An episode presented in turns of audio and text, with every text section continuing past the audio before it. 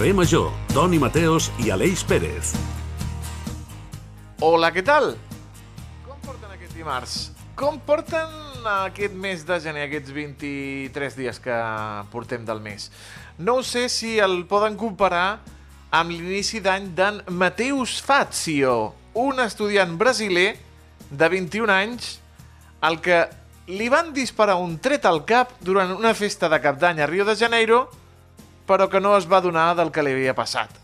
Fazio va creure que algú li havia llançat una pedra i li havien fotut un tret. Així que va seguir amb la seva vida normal i va gaudir de quatre dies més de diversió. Vaig notar alguna cosa. Sagnava una mica al cap, però va parar de sagnar, em vaig dutxar i vaig continuar de festa. Són paraules del nostre amic Mateus. Va ser el cinquè dia quan va començar a notar una cosa estranya. El seu braç dret va començar a tremolar sense control i va dir, anem a l'hospital. A l'hospital li van fer una tomografia i van descobrir que tenia una bala allotjada al cervell. El van operar d'urgència i li van salvar la vida. Va estar dos dies a la UCI i ara es recupera en un poble del sud del Brasil. El cirurgià que el va operar diu que si la bala s'hagués desplaçat uns pocs mil·límetres més, podria haver causat danys més greus i deixar-li un braç o un costat del cos completament paralitzat. I uns mil·límetres més i l'hauria matat. Però ell va continuar de festa, com a bon brasiler. Aleix Pérez, tu no ets brasiler, però què t'ha passat que no t'ha impedit continuar de festa? Home, doncs, jo saps que, mira, jo m'ha passat una cosa, i no una vegada, sinó moltes, per, i seguir continuant a la festa, jo és que a més sóc la típica persona que quan surto de festa als meus amics sempre els hi passa alguna i he d'anar jo doncs, a, a, a donar-los un cop de mà doncs, com a bon amic que sóc, però la part bona és que tot i així he desenvolupat un sentit de ajudar els meus amics, però tot i així després arribar a un punt en seguir amb la festa com si res hagués passat mentre el meu amic, després de consolar-lo, se n'ha anat a casa. És el màxim que d'això. No, no et puc explicar alguna història rotllo de, de vaig vomitar i vaig seguir de festa o m'han parat la policia i vaig seguir de festa. La veritat és que no m'ha passat res semblant, tot i així m'acabes de descobrir un nou ídol, eh? Mateus Facio és un home que crec que es mereix tots els meus respectes si després de tot això va seguir de festa. Entre Mateus i Mateos és que... Ah, tu també... Sí, jo... A, a jo... mi que, eh, no, d'aquesta pregunta no, no, no la pots respondre, no, tu? O sí? No, no, sí, sí. A mi una, una vegada el, el canell eh, se'm va descol·locar el canell i, i vaig continuar de festa. Va ser una, una vaquilla. a les festes de Pasaron de la Vera, província de Càceres, eh, me va atropellar una vaquilla, bueno, me va, me va arrollar una vaquilla, vaig caure, però jo anava pues, de festa i, i ai, fa una mica de mal. Ah, és igual. Siguen, eh, siguen. Uh, alcohol, però no alcohol. Per, per, alcohol, però no, no, no, no però no, però no. ja saben, amics meus, que la festa la muntem cada tarda aquí. Hombre. Ràdio Ciutat de Tarragona. Qui més, qui més, Aleix? Eh, Altafolla Ràdio. Molt bé. Ona la Torre. Molt bé. Ràdio Montblanc. Sí, senyor. Ràdio La Selva del Camp. Sí. Molt bé. Baix Camp Ràdio. Sí. La nova ràdio de Reus. Sí. I Ràdio L'Hospitalet. Molt bé, Aleix. Bravo. Bravo. Titulars, eh? Tenim l'alineació, com sempre, de gala. Amb el nostre DJ principal, l'incansable Iago Moreno, i un servidor, el Toni Mateos, animador non-stop de les tardes. Benvinguts a Carrer Major, on la festa no s'atura, tot i que t'arrolla una vaquilla.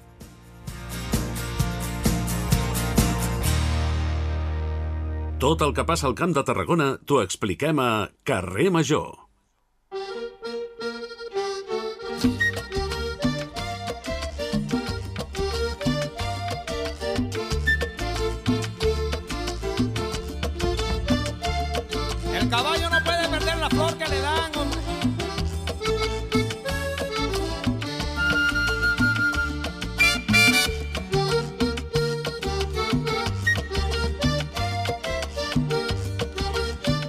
Les tradicions més arrelades al territori és la dels Tres Toms. Aquesta festa commemora la figura de Sant Antoni, eh, patró dels animals, eh, i aquests surten als carrers de les poblacions catalanes i fan tres toms.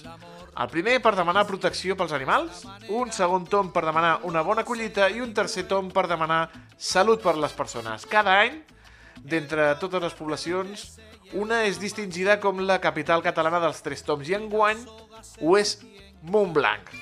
Per parlar-ne tenim amb nosaltres a l'Abel Rosselló, president de l'Associació Equestre de la Conca i organitzador dels Tres Toms i el qual saludem. Molt bona tarda, senyor Rosselló. Bona tarda a tothom. Felicitats per aquests tres toms, per aquesta capitalitat catalana dels tres toms a Montblanc. Què significa ser aquesta capital catalana dels tres toms? Pues, som- significa un orgull per nosaltres poder doncs, celebrar aquest any a Montblanc i poder ser els organitzadors d'aquesta de gran festa dels tres toms. Com us vau assabentar d'aquesta bona nova, d'aquesta bona notícia? Bueno, doncs se fa... O sigui, tu presentes, com diguéssim, la teva candidatura i llavors, bueno, la Federació de, de Catalunya pues, investiga, tira cap aquí, tira cap allà, mou els seus fils i, bueno, doncs llavors t'avisen de que ha sigut la candidata per fer-ho. Això és molta feina i molta responsabilitat, no, senyor Rosselló? Perquè què implica aquest reconeixement de ser la capital dels Tres Toms de Catalunya? Bueno, implica feina molta, moltíssima. No m'ho hagués pensat mai tanta, però bueno. Implica doncs, que vinguin arreu de Catalunya la gent aquí al Montblanc. A part, vegin de, de veure el poble, doncs igual vindran, jo què sé, de, de 60 poblacions de tot Catalunya. Província de a Barcelona, província de Girona, província de Lleida, de tot arreu. Clar, també s'ha de preparar, no? inclús com aquests grans aconteixements també que es fan a Montblanc, com la Setmana Medieval, que, que s'ha de preparar no? per l'arribada de, de, de gent de, de tot arreu i també una mica que reflecteix no? tota aquesta diversitat i seguiment que hi ha al territori. Sí, clar, sí, l'has de preparar i molt. Nosaltres, de quan uns ho van dir, a quan s'ha fet públic, igual van passar uns dos mesos. Estem, nosaltres fa potser mm, quatre o cinc mesos que ja ens estem preparant. I ja comencem a muntar-ho i, i lligant coses per, per poder-ho fer. Què tenen de diferent els tres toms de, de Montblanc, per exemple, comparats, per exemple, amb els tres toms de, de Reus, o els tres toms de la Selva, o els tres toms de altres poblacions del Camp de Tarragona? Bueno, en si en si, diferència no n'hi ha. El que aquest any és la trobada que només és pels pobles federats. O sigui, fas els tres toms, te pot vindre tothom qui vulgui. O sigui, de, de tot arreu. I llavors la trobada només és pels, pels federats, pels de la federació de, dels tres toms. Però el... té alguna d'especial els tres toms de Montblanc? No sé, serà el recorregut, eh, eh, per on passa els tres toms, al voltant de la, de la muralla montblanquina, com, com, com és els tres toms de, de la capital de la Conca del Barberà? Bueno, dels anys que els han fet, s'han fet el tom a la muralla normalment, perquè es vegi tota la muralla. I aquest any, doncs, també en fem una bona part de, de tom a la muralla, també. Perquè la població, els montblanquins i també part de la, de la Conca de Barberà, també quina vinculació hi té? És una festa molt celebrada, molt seguida al territori. Sí, bueno, lo, del, lo dels tres toms sempre, aquí a Montblanc, sempre ha estat molt, molt positiu i fa molts anys que es feien, va deixar de, de fer uns, uns anys i, i nosaltres ho vam tornar a engegar. Però sí, és una, una festivitat bé. Eh, senyor, eh, senyor Rosselló, eh, ja vau començar el passat dia 17 amb un primer acte amb el pregó per part del pintor montblanquí Gerard Castellví. Per què vau escollir el senyor Castellví per fer aquest eh, pregó i quin significat eh, té amb els tres toms aquest pintor montblanquí? Bueno, el, el, el pregoner d'aquest de, de la trobada va ser, sí, com dius tu, el Castellví, el Gerard, i bueno, que vinculació té perquè el seu avi és, feia carros, o sigui, els carros que nosaltres portem, el seu avi en feia. I llavors l'últim carro que va fer el té ell, i com a vinculació, pues, pues que el seu avi feia carros, a part de ser pues, un montblanquí uh, pintor que ha fet exposicions quasi per tot arreu del món i és una persona admirable a Montblanc. Mm, o sigui, si l'avi feia, fa carros que, a més a més, participaven en els tres toms i a banda eh, també participaven en el dia a dia dels pagesos i dels traginers, doncs eh, és una bona elecció, no?, la del la d'aquest pintor montblanquí, no? Sí, vam, vam creure que era l'ideal, o sigui, que sigués mm, famós, diguéssim, al poble i, a més a més, que estigués vinculat amb el que és la festivitat de cavalls, carros, tres toms, tot així en general, saps? Clar, també és una oportunitat no, per reivindicar doncs, doncs, feines o, o, o treballs que, que malauradament doncs, cada vegada hi ha menys gent no, que, que s'hi dedica al territori. Sí, doncs sí, això és veritat que de fer carros ja no se'n fan. El que es fan ara, que hi ha poc, molt poca gent que ho fa, diguéssim, és ferrar les rodes, que és el ferro de les rodes ficar el nou. Això encara hi ha algú que ho fa, però bueno, carros ja no, no, no se'n fan. Uh -huh. En aquest eh, primer acte eh, també es va fer el traspàs dels abanderats. En què consisteix això, senyor Rosselló, i quin és el paper dels abanderats en aquesta festa dels Tres Toms? bueno, doncs hi ha els abanderats de, de, la, de la bandera de Montblanc, diguéssim, que és qui portarà la bandera i els cordons, i se li va donar, diguéssim, en plan mm, acte simbòlic perquè tu portis la bandera i tot. I llavors també hi ha la bandera de la federació, que la federació li diuen que cada any que la porti algú significatiu, que la portaran els dels els d'això de Reus, els, la Guàrdia Urbana de Reus, muntada. Mm. I se'ls va fer el traspàs dels Mossos que la van portar l'any passat, a la trobada de l'any passat, se va fer entrega als, als urbanos de Reus, que seran els que la portaran aquest any aquí a Montblanc. Uh -huh. Ja parlarem dels, dels tres toms a, a Montblanc, però també eh, hi ha el que és el, la visita de tornada, no? Sigui, visiten una població, als tres toms, per exemple, de la selva, visiten Montblanc, Montblanc després eh, els hi torna aquest, aquesta visita. Eh, quins pobles de la Conca i, i del Camp de Tarragona voltaran els tres toms de, de Montblanc, senyor Rosselló? Bueno, jo te comento, te comento una mica això que has dit. Vale? Uh, quan, quan no és trobada nacional, com aquest any fem aquí en Montblanc, sí que és això que estàs dient, doncs mira, jo vaig a la selva, el de la selva ve aquí, jo me'n vaig a Constantí, el de Constantí ve aquí. Vale? La trobada el, el, entre Ajuntament, nosaltres com a associació i la federació tenim uns baremos, bueno, la federació té uns baremos i llavors a la trobada només venen els federats. Uh -huh. Per exemple, hi ha algun poble que no està federat, mm, tu no pots, no poden vindre aquí a la trobada, a la trobada, vale? O quan és, quan és tres toms, com cada any fem, aquest sí que nosaltres anem canviant, anem a Constantí, uh, al Cuber, on anem més per aquí bueno, quasi tot arreu on ho fan, menys, menys dos o tres de per aquí la província de Tarragona, però bueno, ara aquest any també Cap Baix a Tortosa, tot això també s'ha ampliat. I suposo de cara a l'any que ve, llavors sí que ja farem el que és el canvi de jornal que diem nosaltres. Jo vaig allí i tu vens aquí. Però uh -huh. aquest any, aquest any no. Aquest any va, és una mica tot diferent. Ho sabies tu això, Aleix, de, de tornar a les visites? No, doncs realment no ho sabia i, i crec que també una mica representa no? tots aquests valors també de, de la festivitat i també de que al final doncs, som gent d'un mateix territori no? i si un va visitar un lloc, doncs, òbviament també s'ha de rebre el mateix tracte per altra banda. M molt curiós. Uh -huh. És molt, molt, molt curiós. I quin, eh, un dels punts àlgids, eh, com he dit el, el senyor Rosselló, serà aquesta trobada nacional dels Tres Toms, eh, que serà, com ha dit, als pobles federats.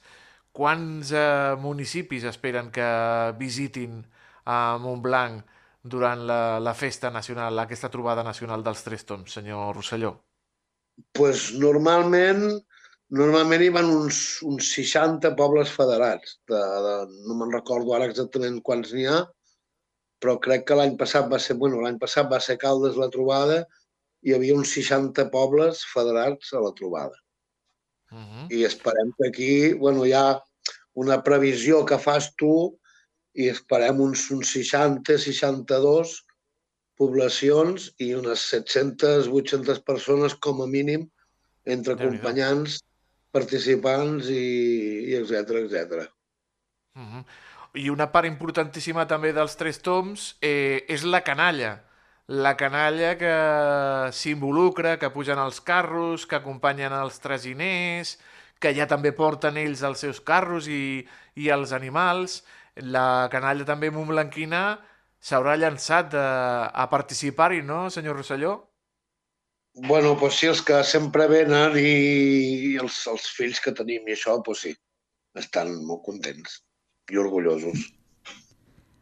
També una de les coses que volíem preguntar era una mica també com ha anat evolucionant aquesta festa no? en relació al tacte dels animals i la manera en com s'interactua amb la gent, les condicions amb les que estan també. Entenc que hi ha hagut una evolució no? en les últimes dècades. Sí, hi ha hagut molta evolució. La gent està molt, molt d'això de fer, de fer tres toms i fer coses, encara que tenim moltes pegues i molts pros i moltes històries darrere, la gent pues, està evolucionant bé. Per cert, aquest any me sembla que són vuit poblacions de, de, de, de Catalunya, de, de, bueno, vuit poblacions de Tarragona i després tres o quatre més que s'han introduït, diguéssim, a la federació per poder celebrar uns tres toms. O sigui que la gent, la gent està, està contenta i bé. Hi ha una intenció no, de mantenir viva també aquesta flama dels tres toms. Sí, i si, si nosaltres en tenim ganes, els que ens hi dediquem, crec que no la, no la poden apagar massa, aquesta flama, la gent. Però bueno, sempre hi ha qui burxa eh? per, per apagar-la. Mm, sobretot es vigila el benestar dels animals, no, senyor Rosselló? Això és importantíssim. També hi ha eh, veterinaris que donen el seu vistiplau perquè es puguin realitzar els tres toms, els cavalls i els animals viatgen eh, en condicions òptimes, això es vigila moltíssim, no? Molt. Fa uns tres anys va començar molt aquesta lluita i aquest any és, és una lluita constant amb, amb, amb tot. O sigui, per anar a fer els tres toms has de, diguéssim, inscriure't, inscriure el cavall, amb què viatge. Ja ha sortit aquest any un protocol molt dur, per, per, la, per lo que ens estan fotent en plan animalistes i coses. Ha sortit un protocol dur i, o sigui, has d'anar molt, molt, molt bé, molt bé. A veure, que, que, és, que jo també ho trobo molt bé que, que vagis així, sí. perquè... I llavors, tema veterinari, cada 50 cavalls n'hi ha d'haver un. O dos, un, sí, un. I llavors, doncs, bueno, quan tu arribes als llocs a fer els tres toms, l'has de portar la cartella del cavall, el passaport del cavall, que hi ha el microchip i tot, i llavors passa veterinari, també hi ha el microchip, que coincideix el cavall. Sí, tot està molt, molt, molt tot, al final. Uh -huh. No, no, eh, com hem dit, eh, conservar les tradicions que, tan arrelades com són els tres toms, però també vigilar pel benestar dels animals, amb la llei de, de benestar dels animals, eh, que, com diu el senyor Rosselló, es compleix eh, molt ben acomplerta en els tres toms. I, a més a més, al ser la capital catalana, doncs encara molt més, no, senyor Rosselló, que els hi miraran amb, amb, amb tots els ulls estaran ficats a Montblanc.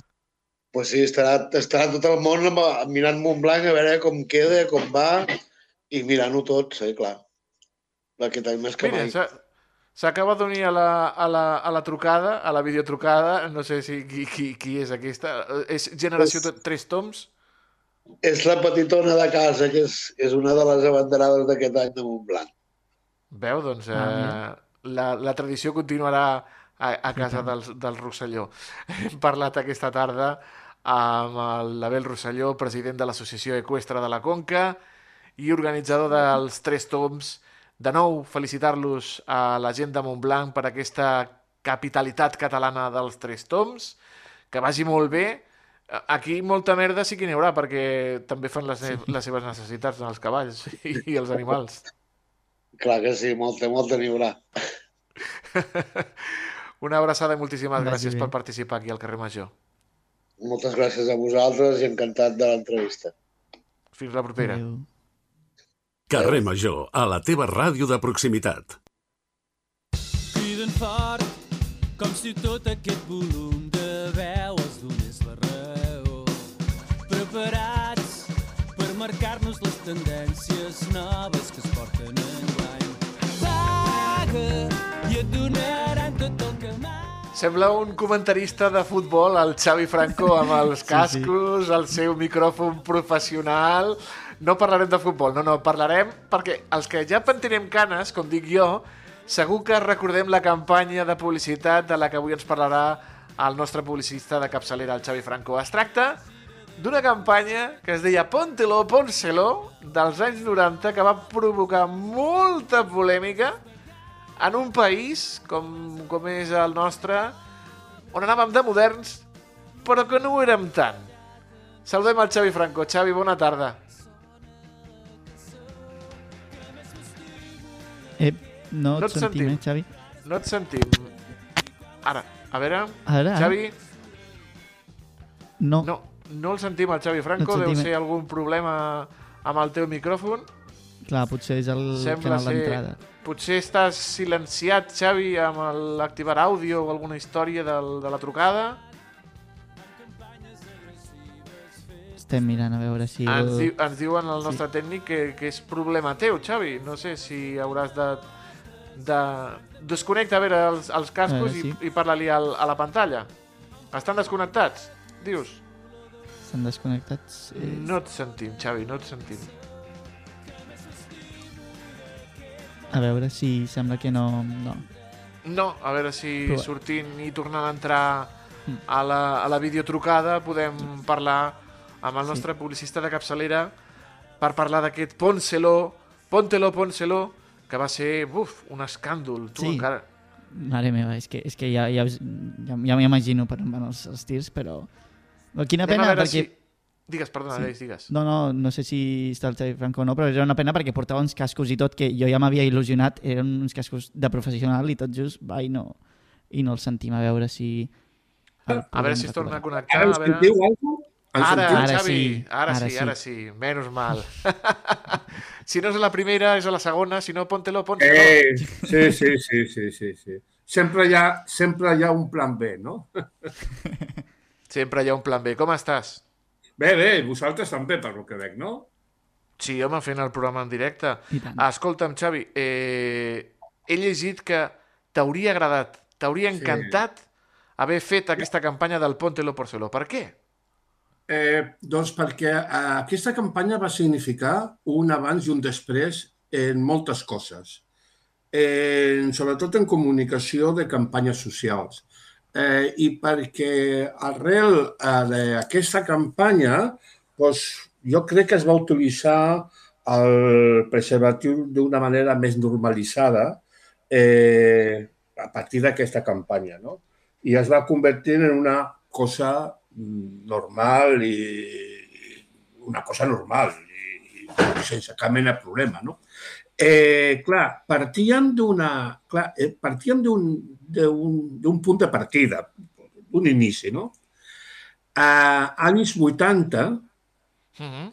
eh, els que ho recordem, els que havíeu viscut, doncs havia un problema molt gran que era el SIDA. No sé si... Ja, el SIDA. Tant, Havia començat el SIDA i anava... I jo crec que, d'alguna manera, d'aquella aquella època, tots els que vam viure aquella època, eh, sabíem d'algú o, o, o coneixíem amb algú o sabíem d'algú que havia mort per al SIDA. Eh, era una cosa, era una, una mena de pandèmia bèstia que molt, el SIDA, el, B, el VIH, eh, que, eh, que normalment es vinculava moltíssim, erròniament, amb les eh, relacions eh, eh, sense relacions sexuals vaginals o anals, sense preservatiu. Er- Era la, la causa més gran, però no la única causa. I També havia un segon factor, no? que encara feia estaven a l'inici de la primera dècada, per dir-ho, d'una de, una, una democràcia, entre cometes, no? eh, de que les relacions, eh, els, els, eh, les relacions sexuals entre els joves eh, provocaven molts, per falta d'informació, perquè encara existia molta falta d'informació en alguns sectors de la població, eh, rurals, etc., conservadors, etc., una falta d'informació i hi havia un gran eh, una prevenció i, i es volia fer una prevenció també dels embarassos no desitjats. No? Aquests dos factors van provocar que a finals dels anys 80 el govern socialista del Felipe González en aquell moment doncs, eh, van voler fer una campanya agressiva. Eh, jo crec que van fer una campanya, sobretot per al tema SIDA, eh? però també per al, el, el, el segon tema que he parlat. No? Aleshores, què van fer? Uh, van demanar amb una gran agència creativa, Contrapunto, ara és Contrapunto BBD, BBDO, eh, una gran, un gran, eren molt, molt bons. Era el moment, als anys 1990, era quan la, la creativitat de l'estat espanyol i de Catalunya sobretot eh, doncs estava a nivell mundial dels primers llocs, la creativitat publicitària em refereixo, no? i eh, dos ministeris es van unir als pressupostos de dos ministeris, el Ministeri Sanitari i, i, i Sanitat i Consum i, de, i el Ministeri d'Assumptes Socials, van unir els dos pressupostos i van encarregar una campanya de prevenció. Es va presentar aquesta campanya. Eh, originalment eh, eh, deien, bueno, pues anem a traslladar la problemàtica i la solució, problemàtica i solució, l'anem a traslladar a l'escola, a l'institut, al pre, als cursos pre, eh, abans de la universitat, preuniversitaris, per dir-ho d'alguna manera, no? I el vam, vam fer, anem a traslladar a l'esport la història del, del, de la peça més important, que era l'esport de televisió, naturalment, encara que no era l'única, perquè hi havia també tanques i revistes i tal. No? Però anem a traslladar aquesta problemàtica a la, la història, anem a contar una història dins de l'escola. Eh, si m'enrotllo molt, m'ho dieu i m'ho talleu. No, no, eh? no, no, Xavi, no, no, si et sembla, sí, si et sí. sembla, escoltem l'anunci sí. per fer-nos una idea de... Perquè si no expliquem... Exactament, eh? sí. que era el Póntelo, Pónselo. Uh, ens vale. ho llença el nostre tècnic. Escoltem.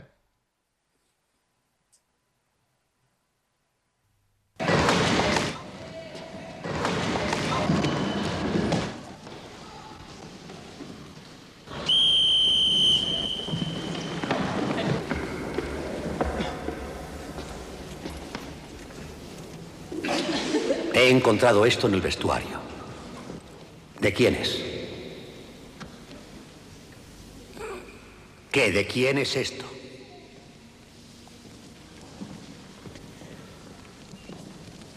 Mío. Mío. Mío.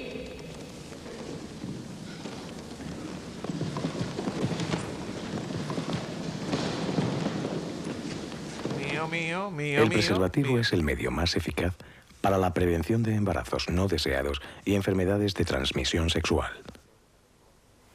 Póntelo. Pónselo. Fàcil, simple.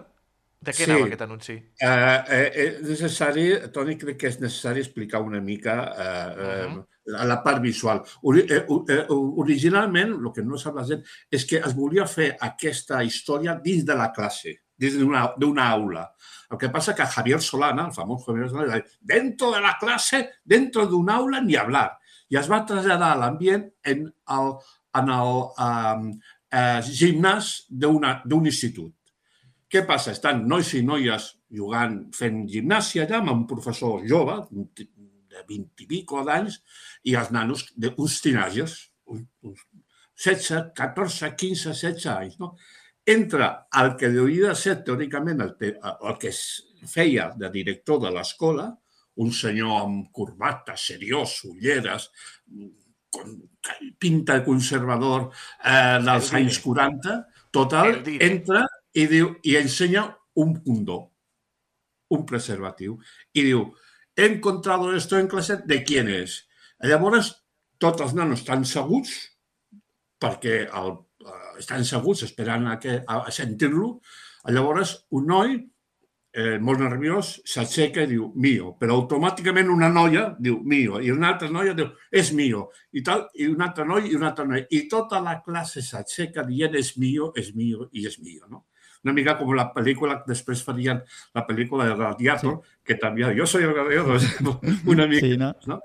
Eh, I aleshores eh, és, la, la, la, tots feien la, la, la pinya en el protagonista del tema. No? Clar, I aquest missatge, Xavi, la també... anècdota- La segona anècdota que volia comentar és que aquesta, aquest spot es, es va rodar en Londres perquè no van trobar, era molt urgent, i no van trobar actors suficientment bons, entre cometes, per fer aquest spot.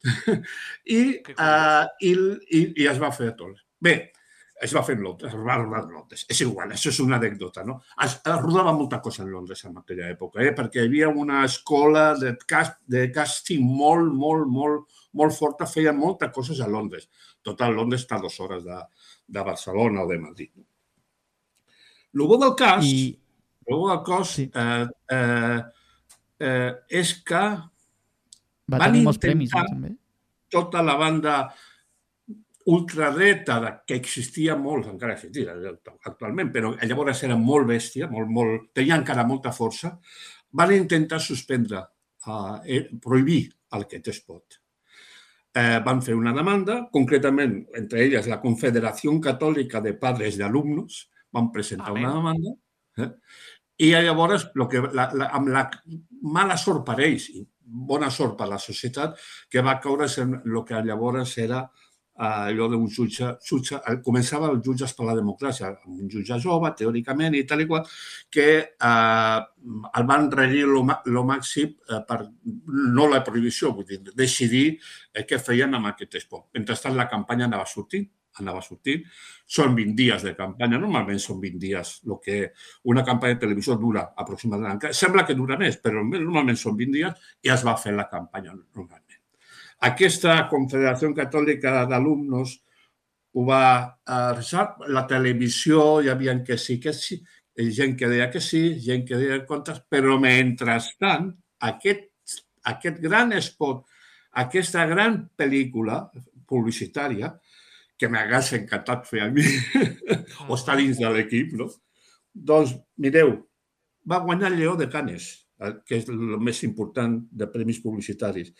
El Premi de New York, el primer premi de la FIAP, que és la hispanoamericà, el primer premi televisor d'Eurovest, que és la europea, el Premi Èpica, el Premi Amper d'Or, el Sol de Plata Sant Sebastián, de l'Associació Espanyola d'Anunciants. Vull dir, va guanyar tots els premis importants i, mentrestant, la Confederació Catòlica de Padres Alumnos intentaven prohibir l'esport. Aquesta és la Doncs, història. Sí. Aquesta és la història, Aleix. Doncs, eh, xulíssim, m'ha agradat molt com la, la contraposició no? entre el, que, el reconeixement dels professionals i la crítica de la gent que clarament no en sap. Bé, anem una mica justos de temps ja, Xavi, t'haurem de deixar, però moltíssimes gràcies per venir aquí a explicar doncs, eh, el Ponte lo Poncelo, que clar, a mi ja no em va agafar, però... No, però, Aleix, tu, clar, no, clar, tu no estaves jo estava- ni, en, pro, clar, ni en projecte. Mons pares ni es coneixien, jo crec, quan, quan va sortir aquest anunci. Segur que, segur que els teus No pares... el van veure, coneixien. mons pares no el van veure, Segur si no, no estaria aquí. Segur que es coneixien. I tant, i tant que sí. Anys 90, això va ser a, a, a l'any 90 o 91 com a, com a Sí, molt, correcte, no? va ser Sí, 90 sí, 91, sí, sí. ja. Els premis, 90, van, l'emissió va ser el 90 i els grans premis van ser el 91. Mira tu.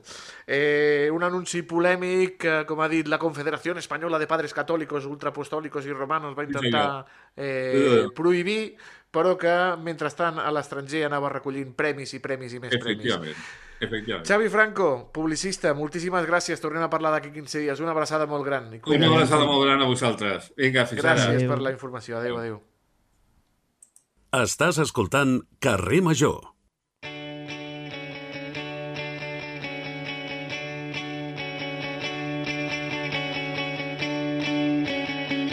ODS, no? Això són ODS, sí, estimat Aleix. Sí, efectivament, i avui tocarem una temàtica que afecta tot just a tothom, i és que al final tots necessitem un sostre on viure. Copcam, el Casal Popular Sageta de Foc i la Dinamo han organitzat unes jornades per parlar de l'habitatge cooperatiu. Uh, aquí tenim doncs, l'ODS número 1 de la fi de la pobresa i el número 10 de la reducció de les desigualtats.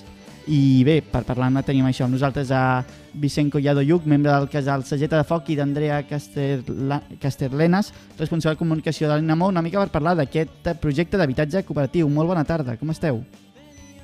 Hola, bona tarda. Bona tarda. Bé, us, mm, volia començar preguntant una mica això. Com va sorgir aquesta idea, aquest projecte? Primer començar amb l'Andrea. Eh, bueno, doncs una mica no? la, la idea de fer aquestes sessions a, a Tarragona per, per impulsar un projecte no? va sorgir arrel de, de veure que, que el model d'habitatge cooperatiu no? s'estava implantant a, en diversos territoris de Catalunya, no? un d'ells Barcelona, no? on realment hi havia una, una aposta política eh, per tirar endavant projectes en sol públic i llavors una mica no, des de la Dinamo vam veure la necessitat de que no només es quedés a Barcelona, sinó de també portar-ho a altres nuclis urbans on, on creiem que hi havia tant la base social com el teixit associatiu perquè aquest tipus de projectes poguessin, poguessin tirar endavant.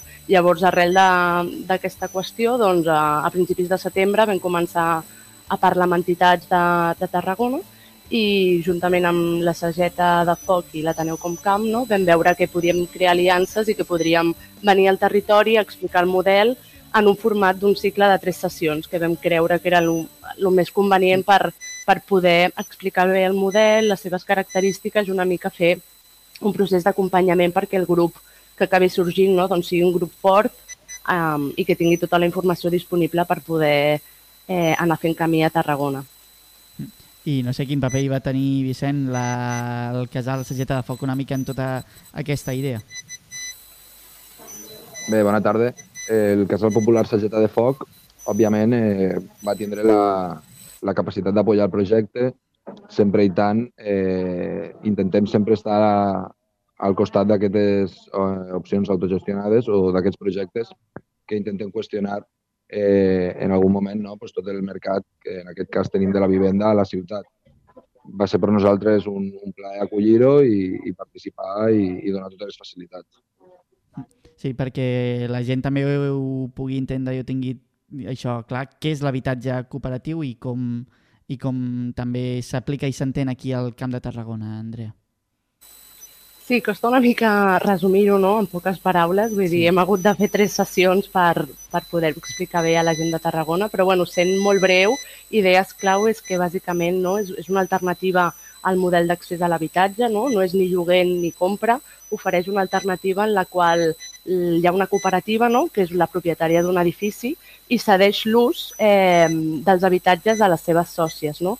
Llavors, la, la propietat en aquest cas, no, en comptes de ser individual, com en el lloguer i la compra, la propietat és col·lectiva i totes les persones no, que habiten en, en l'edifici són sòcies d'aquesta cooperativa i de retruc, no, com dèiem, tenen eh, cedit l'ús eh, de manera indefinida al llarg de tota la seva vida no, d'un dels habitatges d'aquesta de, cooperativa. Llavors el que fem no, és poder fer, a part de que la promoció no, és autopromoció des de l'inici i s'abarateixen costos i de més, no, doncs tenim un habitatge assequible i estable eh, i també creem no, sobretot una infraestructura col·lectiva, no, que les, les nostres futures veïnes seran persones amb les que eh, tindrem un contacte, no? haurem viscut tot aquest procés, també s'incorporen espais comunitaris no? que fan que es creï no? Una, una comunitat més forta i cohesionada que el que podríem trobar en un, en un bloc de pisos convencional on les llogateres o les veïnes pràcticament no es coneixen. No? Llavors tenim una mica aquestes dues branques, com l'assequibilitat i estabilitat, però després la part de construir una comunitat forta eh, i arrelada al territori amb, amb les veïnes de, de l'edifici. I en el teu cas, Vicent, des de la Sageta de Foc una mica també, com heu vist la resposta i la reacció de, de la gent, si ha estat també una mica com esperàveu i també, doncs, això, quin, quin balanç en feu amb el moment a l'espera d'aquesta tercera sessió? Bé, eh, com ja sabem, eh, l'habitatge a la ciutat de Tarragona és un problema és un problema candent, no? I, i nosaltres, sobretot aquí a, al barri on ens on ens assentem, no? perquè sí que, òbviament, re, representem a tota la ciutat de Tarragona com el Casal Popular, però estem molt lligats a la part alta, que és un barri en el qual estem veient que l'expulsió de la gent de les seves cases és un fet, és un fet ja, ja pot ser de forma passiva o de forma activa, no? en quant a que se produeixen pujades de, de lloguers o simplement se destrueixen eh, pisos de lloguer per a poder ficar-los a disposició de, del turisme o del lloguer turístic o del lloguer estacional, com vulguem dir-li. Nosaltres creiem que la resposta és bona, que la problemàtica hi és i que almenys molta part de, de la nostra, bueno, de la gent més propera al projecte que representa el Casal Popular en quant a, a manera d'entendre el barri o en quant a la construcció entre, entre les persones que habitem al barri, eh, jo crec que la resposta pot ser molt positiva i, i que bé, esperarem a que la màxima gent s'hi vulgui interessar en aquest, en aquest projecte que bàsicament ve a reforçar eh, l'accés la, o la capacitat d'accés de les persones a, a un dret tan bàsic. Uh, Andrea, ja ho has comentat abans, no? heu decidit separar-ho en tres sessions, la primera a l'octubre, una altra al desembre i aquesta última que feu el 31 de gener. Breument això, quines estan les, les característiques i els objectius de, de cada trobada molt breument i també si s'estan si aconseguint els objectius, si marxeu satisfets d'aquestes sessions. Sí, per ara, vull dir, és un cicle de tres sessions, no? també perquè hi ha molta informació que s'ha de donar, llavors també la volíem com dosificar una mica. La primera sessió va ser divulgativa, bàsicament vam venir a explicar una mica el model, les característiques, no?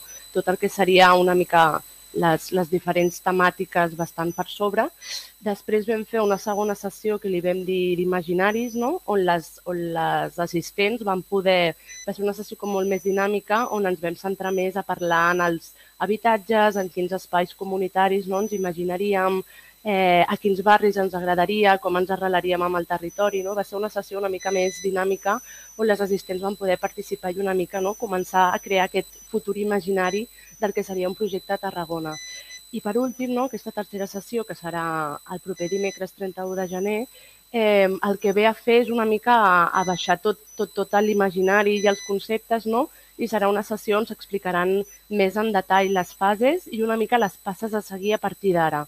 Vull dir, la Dinamo hem vingut a fer aquesta, aquest cicle no? amb, amb la idea de que neixi un grup, però nosaltres promovem els grups que són autogestionats i per tant hi ha una part d'autogestió del grup no, que també haurà de fer. Llavors una mica en aquesta tercera sessió el que venim és com a posar una mica els deures per tal de, de que el grup no, pugui començar a tirar endavant sol i nosaltres no, continuar en un, en un segon pla.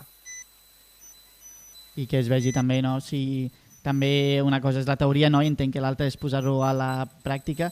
També en el, en el vostre cas, Vicent, no sé també si eh, esteu oberts a fer més activitats d'aquestes en un futur, també vosaltres també de manera regular també eh, doneu suport no? en aquesta mena d'iniciatives.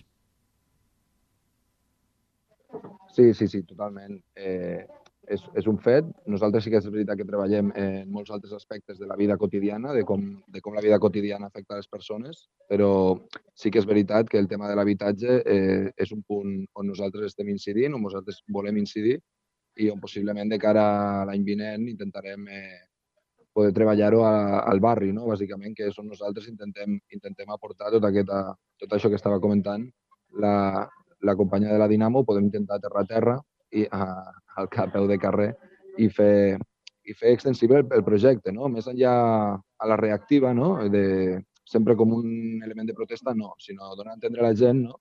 Que té la seva capacitat de construir comunitats d'habitatge o de construir projectes cooperatius que puguin facilitar tot aquest accés. I bé, doncs per anar acabant ja no me'n puc estar perquè al final també és una cosa que preocupa a tothom. Eh, Andrea, al final hi haurà llum al final d'aquest túnel. Quines són les expectatives? Millorarà l'habitatge, l'accessibilitat a l'habitatge o, o ens hem de preparar?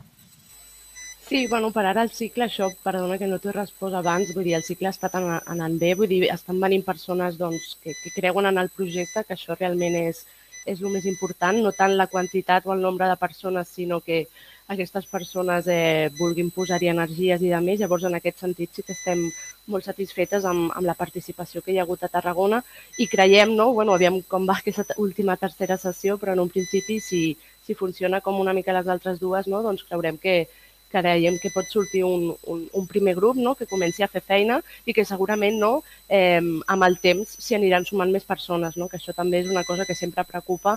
Vull dir, a l'inici un petit grup ja és suficient per tirar endavant. És un procés que, que no és immediat, vull dir, són processos llargs, per tant creiem que un cop eh, es comenci a sentir més per Tarragona, doncs segur que molta més gent s'hi anirà sumant.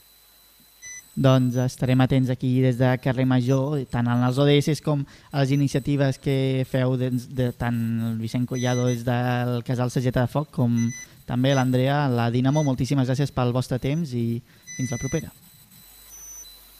Gràcies a vosaltres. Moltes gràcies, ha estat un plaer. Adéu.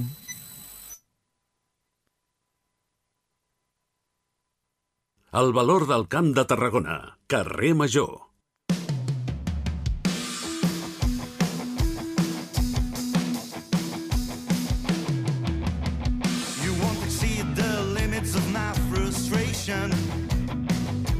Home, això és català de Reus o del Camp de Tarragona tota la vida. Del Cuber.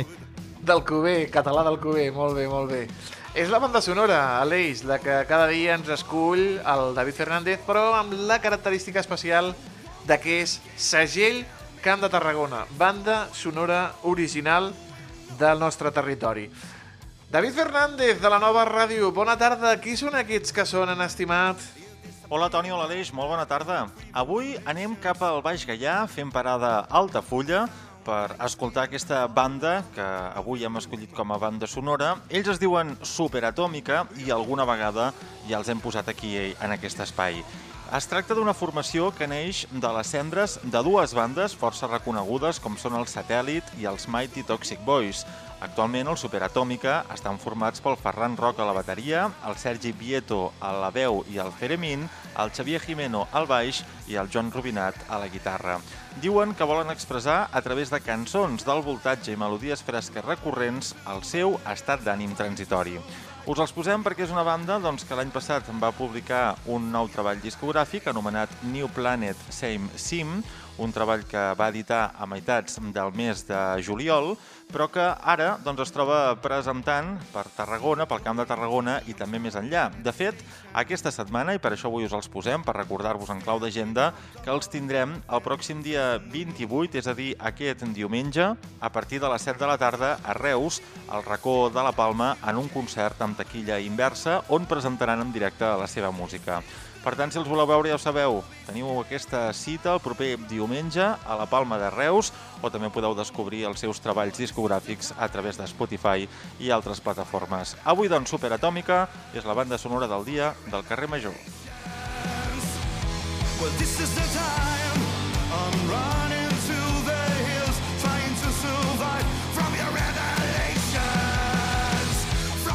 Sonen molt bé, eh? Sonen molt bé per Canyeros. ser, per ser del Baix Gaià. Sonen molt i molt bé.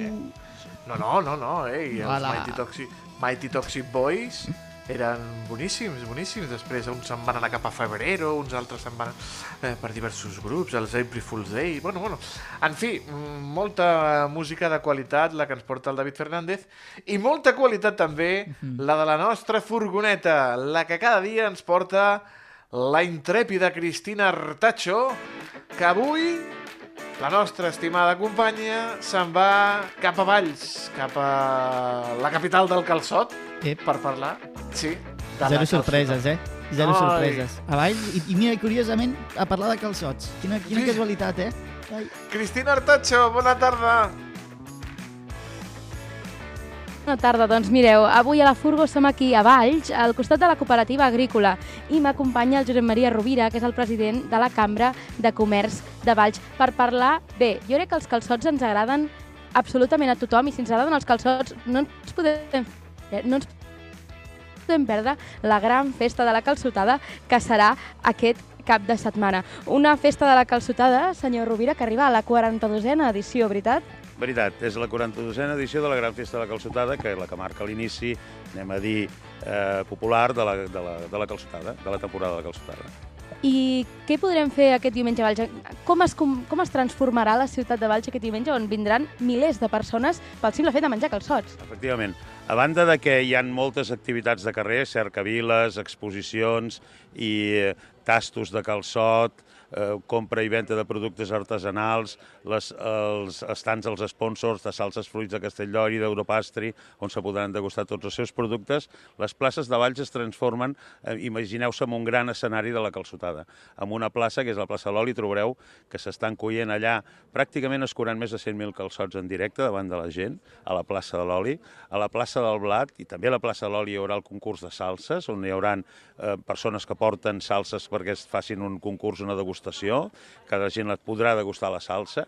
Després, a la plaça del Blat, es fa el concurs de cultivadors de calçots, allà s'escolleix la mota de calçot més bona i els calçots més importants, i després, aquí on som, al pàrquing de la cooperativa, hi haurà la gran degustació de la, de la gran festa de la calçotada, que la concentrem ara en aquest espai, on esperem que hi hagi més de 4.000 persones menjant calçots alhora.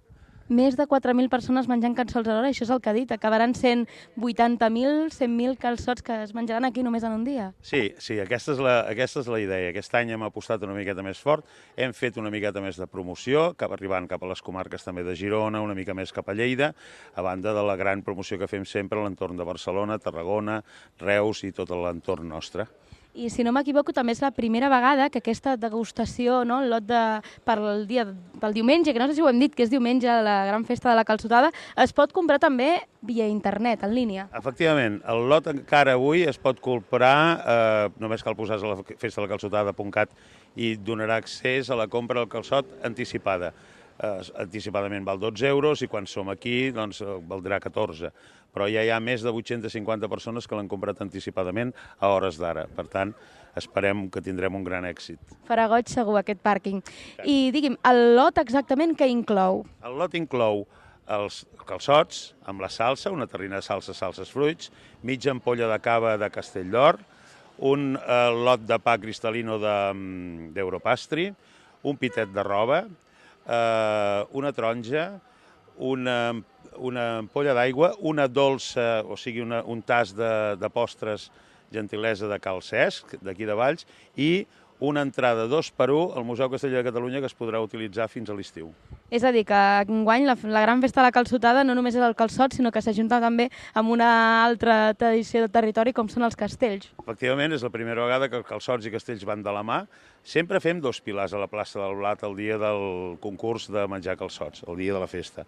Però, a més a més, enguany, és clar, és la primera vegada que la temporada de calçotades tota sencera, perquè comença ara però s'acaba a l'abril, per dir d'una manera, tota la gent que vinguin a l'Alt Camp, que vinguin a Valls, podran, a més a més, visitar el Museu Casteller, que és digne de veure, i és una gran excusa. O sigui, venir a Valls a, a veure el Museu Casteller i fer la festa de la calçotada, a partir d'ara serà un paquet turístic interessantíssim.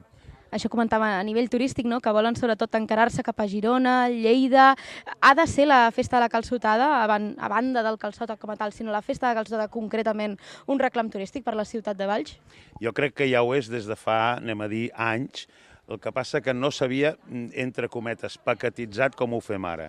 És a dir, ara ja s'organitza cada vegada millor, ara el reclam és, en aquest cas, el Museu Casteller i la Festa de la Calçotada, el Monestir de Santes Creus i la Festa de la Calçotada, el, qualsevol activitat turística i una bona calçotada amb algun dels restaurants de Valls.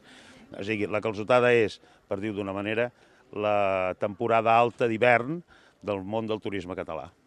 Doncs amb aquestes paraules del president de la Cambra de Comerç de Valls, el senyor Josep Maria Rovira, tanquem eh, la furgo d'avui i ja ho sabeu que aquest diumenge eh, cita imperdible aquí a Valls. Fer una calçotada sempre és un pla increïble amb els amics, amb la família, amb qui vulgueu, però venir-ho a fer a Valls envoltats de tantíssima gent i de tan bon ambient ho és encara més. Moltíssimes gràcies, eh, Josep Maria Rovira, i ens veiem tots plegats a la propera furgo. Adeu. Adéu, Cristina. Massa Adéu, gent, Cristina. massa gent diumenge a Valls. Potser un altre cap de setmana, no, Aleix? Sí, o dos, podem fer O dos dos, o tres. o tres. a veure. Eh, I tant, i Exacte. tant. La calçotada sempre. Nosaltres tornem demà. Gràcies, Aleix. Vagi Fins bé. demà. A tu, Toni, fins demà. Cuidin-se molt. Fins demà. Que vagi molt i molt bé. Adéu.